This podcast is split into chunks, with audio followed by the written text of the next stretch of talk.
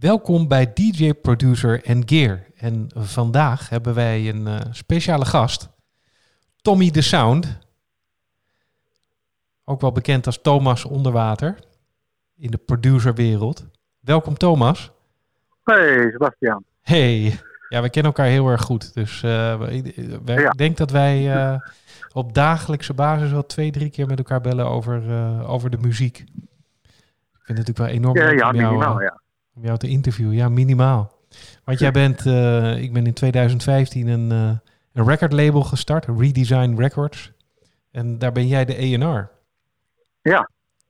Sinds wanneer ben jij de ENR bij, bij Redesign Records eigenlijk? Wanneer is dat begonnen? Nou ja, officieel eigenlijk uh, april dit jaar. Maar voorheen, uh, ja, voorheen uh, hebben we het er vaak genoeg over gehad.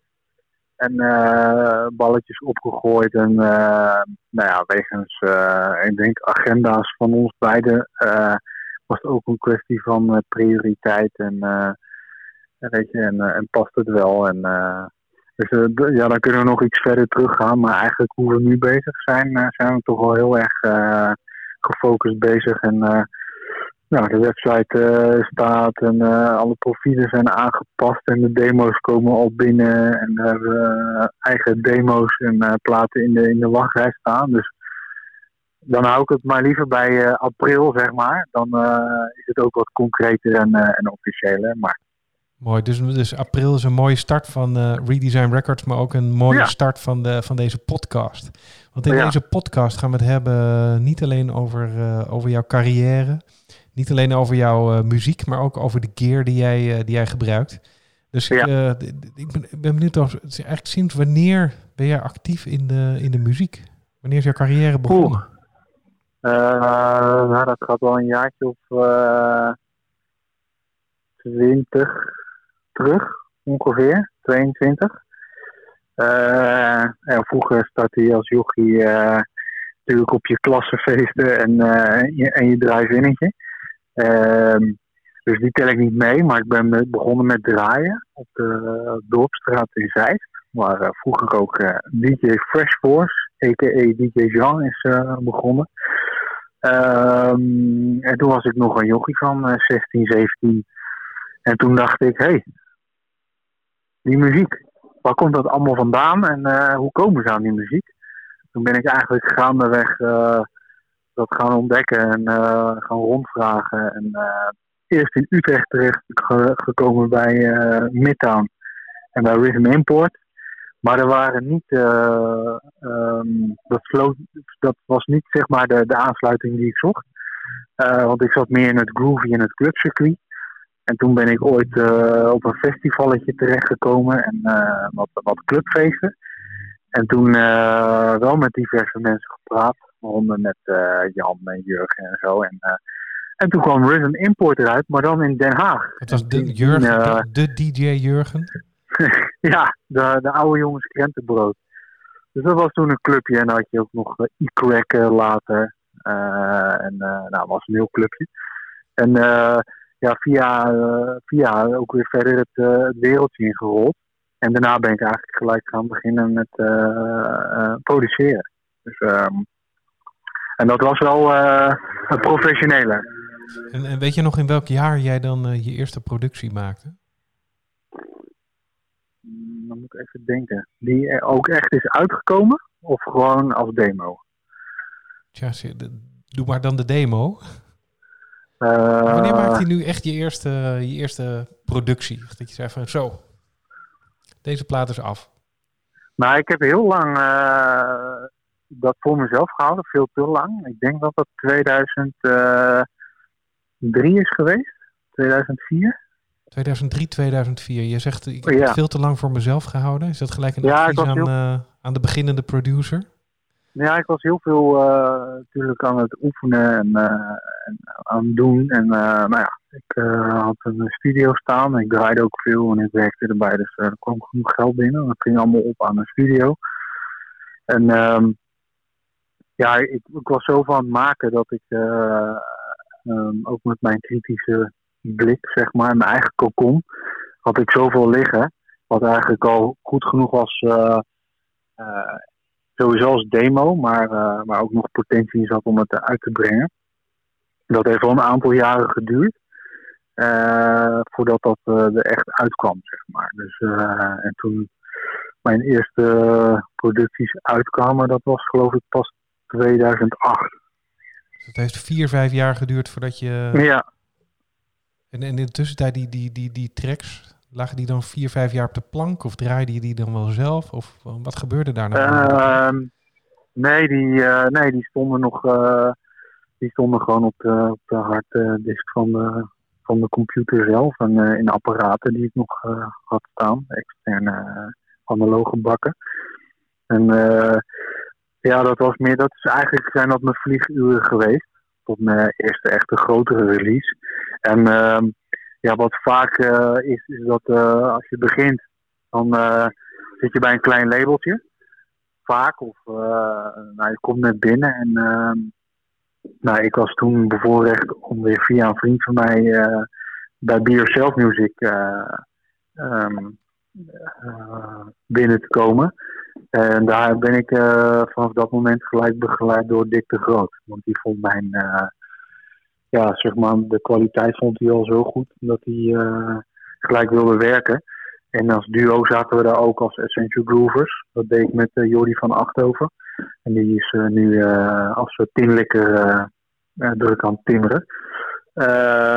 en ja, dat, dat, is eigenlijk toen zo gelopen. Dus ik, ik dook erin en met begeleiding en management en een grote platendeal en al boekingen. En ja, dat ging eigenlijk gelijk al best wel snel. Dus um, ja, dat is de andere kant van de medaille. Dus uh, dat is wel grappig. Dat het contrast was best wel groot. Maar je, je had al boekingen, toch? Jij komt echt vanuit de, vanuit de DJ-kant. Ja, ja, ja. Dus jij draaide ja, ja. je goed geld mee? Zei je net, ja, dat ging wel lekker. Ja, je, kopen. ja, ja je, je ging van hot naar her en dan was je ergens geweest. En uh, nou ja, als je gewoon uh, sociaal doet en toen uh, weet je dat je niet beroerd bent om uh, je handen uit je mouw te steken en ook zijn verkeerde wc wilde schoonmaken. Of dat je ook even nog mee stond met glazen spoelen of lekker blijven hangen of een praatje maken. Dan mocht ik altijd weer terugkomen en dat, werd steeds meer en meer en groter en groter. Dus en toen had ik destijds wel drie tot vier boekingen per week. Je komt, je komt vanuit de, vanuit de DJ-kant, hè? Zie jij jezelf dan nu als een DJ of een producer? Of, of, of, of, kun je daar niet tussen kiezen? Wat is... Uh... Nou, mijn, uh, mijn fundament is, uh, is echt DJ geweest. en dat is net zoals fietsen. Weet je, ja, ik, ik verleer dat niet meer. Maar ik profileer me nu echt als, als producent. En als ik mijn dagelijkse werkzaamheden ook zie ja, dat is eigenlijk alleen maar um, uh, producties maken.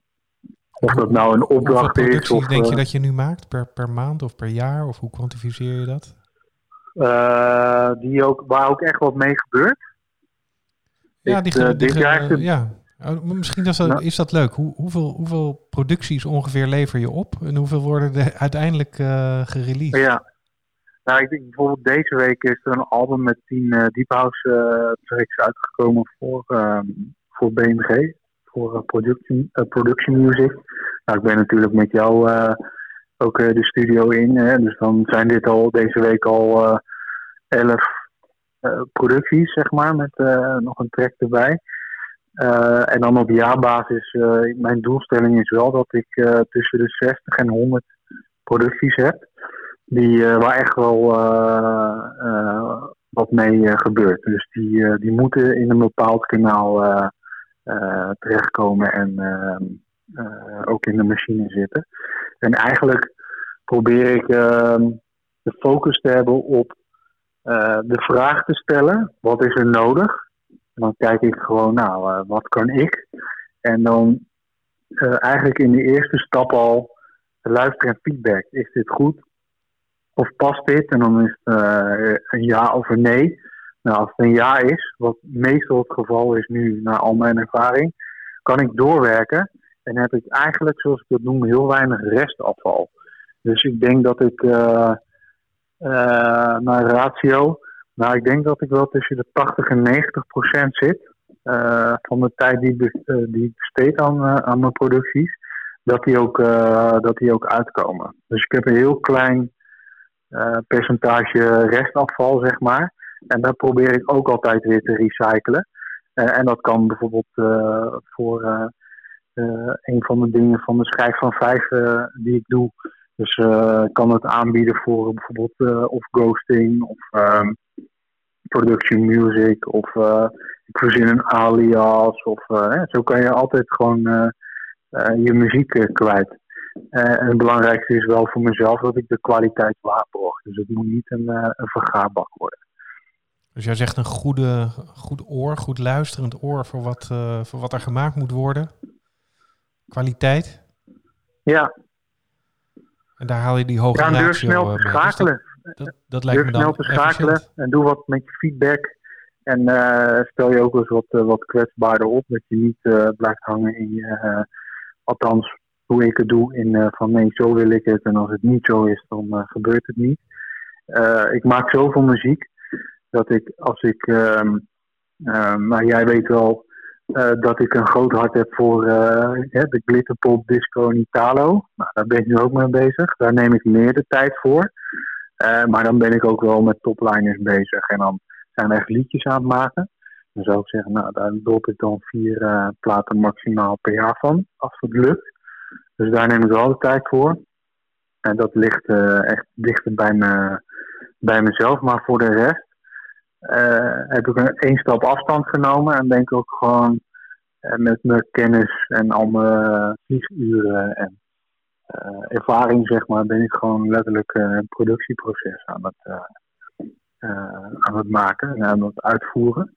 Ehm, dus daar zit dan nog wel een klein verschil in. Maar door in het begin gewoon te durven schakelen en eh, wat te doen met de feedback en uh, ervoor open te staan, heeft dat mij al veel meer gebracht. Hè? En wat doe je dan met die feedback? Nou, hè? niet alles wat uit mijn koker is, is uh, kan bijvoorbeeld aansluiten op. Uh, hoeveel uh, hoeveel mensen heb jij dan om je heen om, om, om, feedback te vragen? Hè? Want zelf hè, produceer je natuurlijk veel, je zit veel in de studio, maar wie ja. luisteren dan met jou mee? Nou, ik denk dat ik tussen de 10 en 20 mensen heb. En die zijn, in allerlei verschillende takken en hoedanigheden actief. Dus dat kan mijn beste maat zijn uh, vriendin, uh, mensen die hoog in de boom zitten bij labels. Uh, een paar lagen eronder, jongens die gewoon ook. Daar, daar moet je dan een selectie in maken, toch? Want, want je ja, dat is, ja, dat verschilt een beetje, zeg maar. iedereen sturen. Ja. Hoe, hoe, hoe weet je nu welke plaat naar wie gaat? Nou, ik hou, ik hou bij maximaal vijf eigenlijk. Uh, en het hangt een beetje af voor welk kanaal ze bestemd zijn. Als het echt mijn liedjes zijn, mijn eigen liedjes, dan uh, kan ik op technisch vlak bijvoorbeeld uh, iemand hebben die daar heel veel verstand van heeft. En die mij echt op technisch vlak en daar mij feedback geeft, wat mij dan ook beter maakt en helpt. En voor liedjes bijvoorbeeld die mensen aanspreken, ja, dat kan, kunnen ook uh, twee kids zijn die uh, in, de, in, de, in, in mijn ballenbak zitten. Want die zijn heel recht, uh, recht toe, recht aan en recht voor je raap. Daar ben ik altijd blij mee, want, want dat is ook gewoon luisterpubliek. Ehm, en mensen die, die om me heen zijn, die me kennen en die het vinden passen of niet, of begrijpen. Ehm, die gebruik ik dan daar weer voor. En als het voor production music is, of voor voor ghosting, ja, dan zet ik die daar niet voor in. Of ik vraag het dan niet aan. Want dus is dat dan de, de, taak van de opdrachtgever om dat te doen? Uh, hoe bedoel je? En dat de opdrachtgever eigenlijk die feedback moet vragen aan zijn of haar omgeving. Hè? Dus, dus je krijgt een opdracht van, om, om een, om ja. een track te maken. Hè? Dat is vaak, ja. uh, nou, heeft een omschrijving, of het is heel goed omschreven ja. of minder goed. Nou, dan, uh, dan, dan, dan maak je die, zou ik zeggen, een voorstel. Je, maakt, je zet een idee op, dat stuur je naar hè, vaak de DJ die, die een productie zoekt. Ja. Ligt die taak dan bij de DJ om die feedback te zoeken? Of zeg jij van nou, ik zoek ook nog feedback. Nee, nee, nee, dat vind ik ook echt je eigen verantwoordelijkheid en, en hoe hongerig je bent. Ehm, ja, nee, dat, ik vind dat echt wel dat het van twee kanten moet komen. En als jij er soms zes keer meer om moet vragen, dan, dan is dat maar zo. En dat heeft misschien niks te maken met, met de samenwerking. Alleen, uh, kijk, je, je, bent allebei ben je ermee bezig. En allebei wil je verder. Dus ik vind dat wel echt, uh, dat is echt wel 50-50 uh, verdeeld. En ik vind het sowieso belangrijk om vooraf te kaderen, zeg maar, uh, wat gaan we doen? En heb je reference tracks, weet je, wat vind je cool, van welke instrumenten houden. Dus ik heb een hele uh, lijst, zeg maar. En dan kan ik het wat meer framen en, en trechteren. En dan stuur ik drie opzetjes.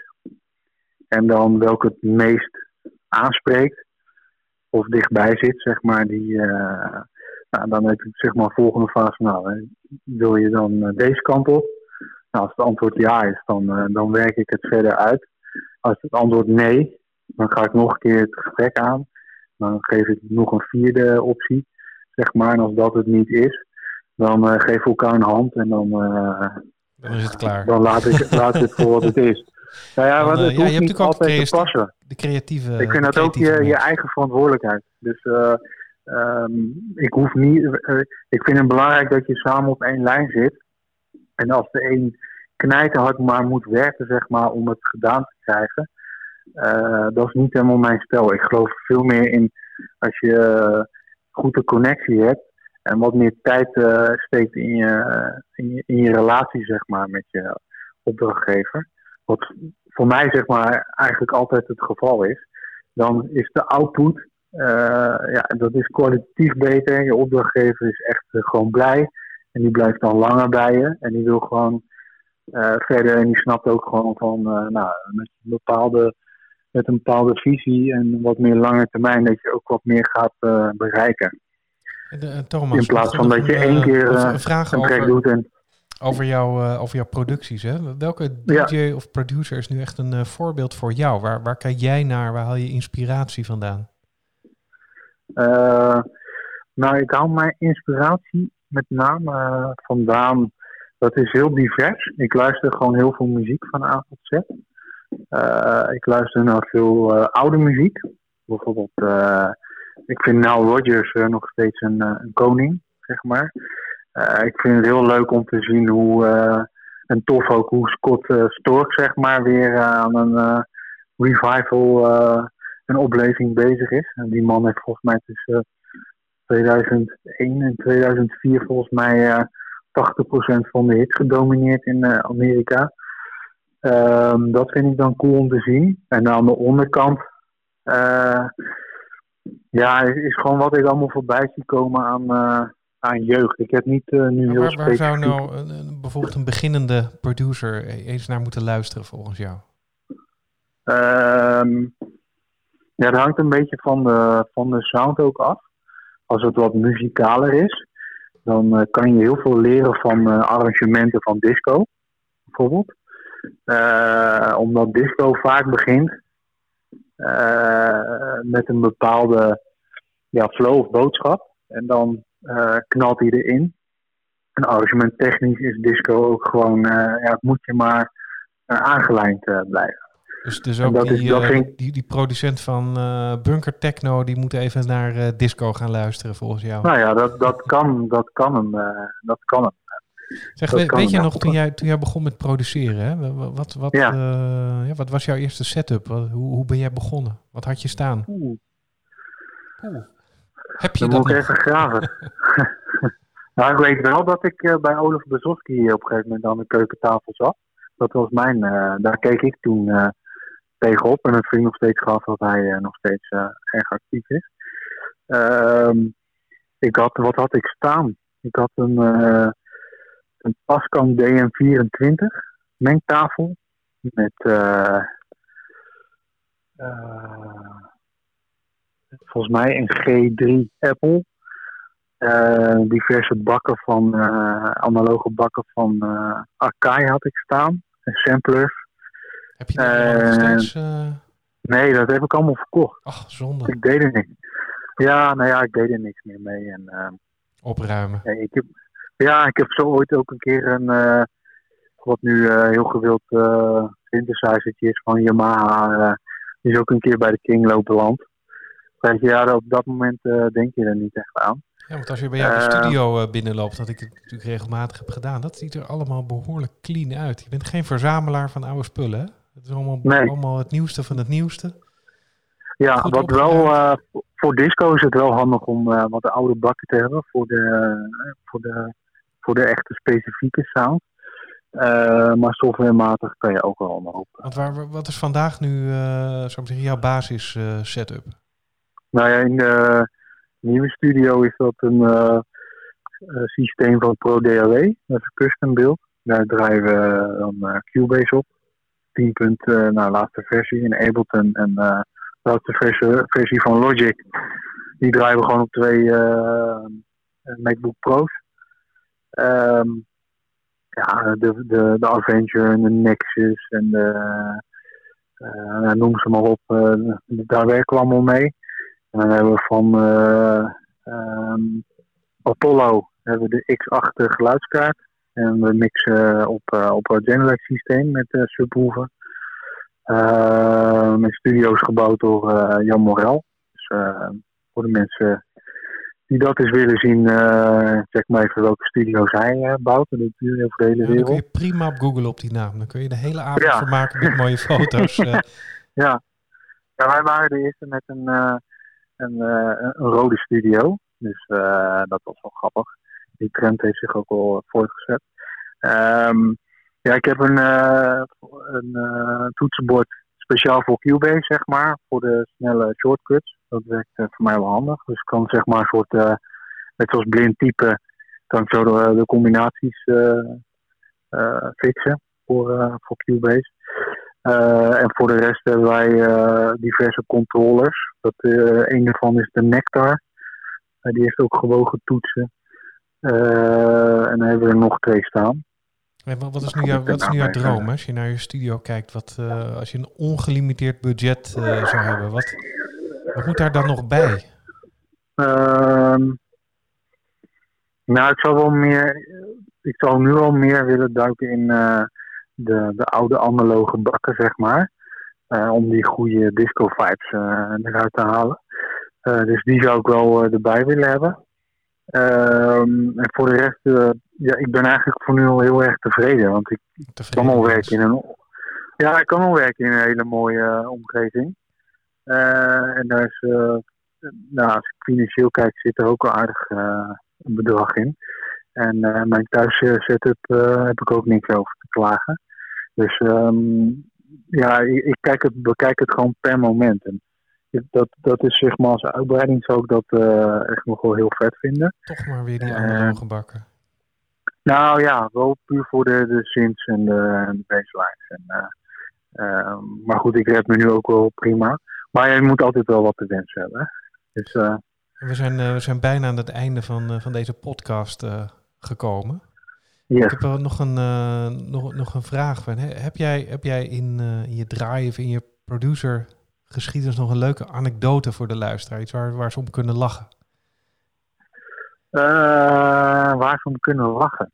Zoveel meegemaakt? even kijken hoor. Goed, dat is een goede... dan moet ik heel even denken. Uh,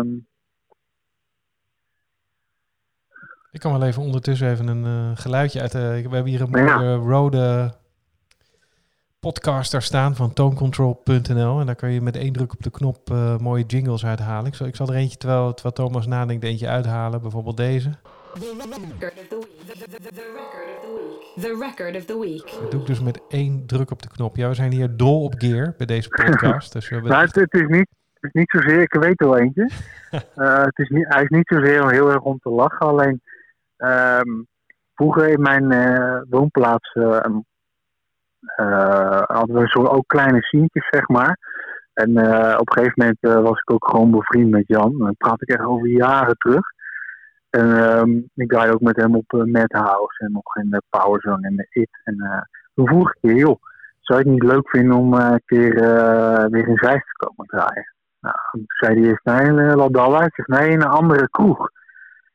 En nou, toen zei hij ja. En nou, ik dus overleggen met, met de kroegbaas. Nou, die was helemaal door het dolle heen.